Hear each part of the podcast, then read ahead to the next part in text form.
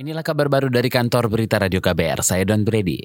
Komisi Pemilihan Umum KPU siap menghadapi kasasi yang diajukan Prabowo Sandi ke Mahkamah Agung. Prabowo Sandi mengajukan kasasi ke Mahkamah Agung atas putusan perkara Bawaslu soal pelanggaran administrasi terstruktur, sistematis, dan masif atau TSM pada Pilpres 2019.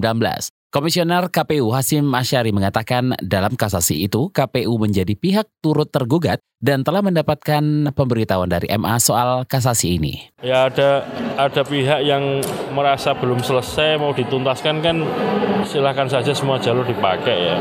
Bahwa kemudian jalurnya benar atau tidak kan nanti peradilan yang akan me, menyatakan itu. Tapi ini KPU ketika dibuat kan nggak boleh mengelak, harus menjawab. Komisioner KPU Hasim Asyari menambahkan KPU telah menyiapkan dan menyusun jawaban jika memang kasasi itu diproses dan ditindaklanjuti oleh MA. KPU akan berkaca pada jawaban-jawaban yang dulu disampaikan di MK untuk menanggapi gugatan dari Prabowo Sandi. Adapun kasasi ini diajukan oleh permohon pemohon Prabowo Subianto dan Sandiaga yang memberikan kuasa kepada kantor advokat dan konsultan hukum Nikolai Aprilindo Associate. Saat ini status perkara tersebut masih dalam proses pemeriksaan. Saudara, hari ini sebanyak empat calon komisioner anggota Komisi Penyiaran Indonesia periode 2019-2022 menjalani uji kepatutan dan kelayakan dari Komisi Komunikasi dan Informatika DPR. Simak laporan selengkapnya bersama reporter KBR Reski Novianto dari Gedung DPR MPR Jakarta. Saudara, saat ini di Komisi Komunikasi dan Informatika DPR sedang menggelar uji kepatutan dan kelayakan atau fit and proper test hari terakhir terhadap 4 dari 34 calon anggota Komisi Penyiaran Indonesia periode 2019-2022. Adapun mulai pagi ini pukul 10, ada 4 calon komisioner KPI yang menjalani fit and proper test di Komisi Kominfo DPR. Saat ini sendiri 4 orang bersamaan menjalani tes di hari terakhir dengan sesi pemaparan visi misi dan tanya jawab. Mereka adalah Satrio Aris Munandar, Tita Melia Meliana, Ubaidillah, dan Yuliandre Darwis. Untuk diketahui, 30 calon telah diuji selama dua hari terakhir.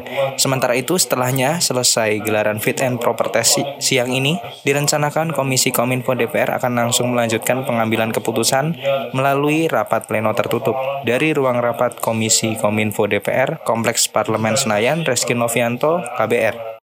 Saudara sekitar 15 ribuan jiwa di Kabupaten Banyumas, Jawa Tengah terdampak krisis air bersih hingga awal Juli 2019. Kepala Badan Penanggulangan Bencana Daerah BPBD Banyumas, Aryono Purwanto menyatakan 15 ribuan jiwa itu terdiri dari 4.500 keluarga di 14 desa di 9 kecamatan yang mengalami krisis air bersih. Kecamatan 9 ya dari 14 desa sampai kemarin. Sampai hari tanggal kemarin kan kita laporannya hari kemarin ya. 65 tangki, satu tangkinya 5.000 liter. 5.000 liter, 65 tangki kalikan 5.000 liter. Jiwanya itu yang tetap, itu tetap. Jadi ada pengulangan desa yang sudah apa RT, RW gitu ya, wilayah yang sudah mendapatkan minta dropping lagi. KK 4.500, terus jiwa 15.800.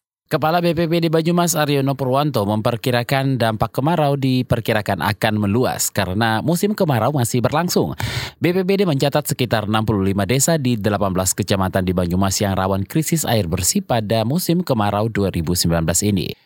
Demikian kabar baru dari kantor Berita Radio KBR. Saya Don Brady.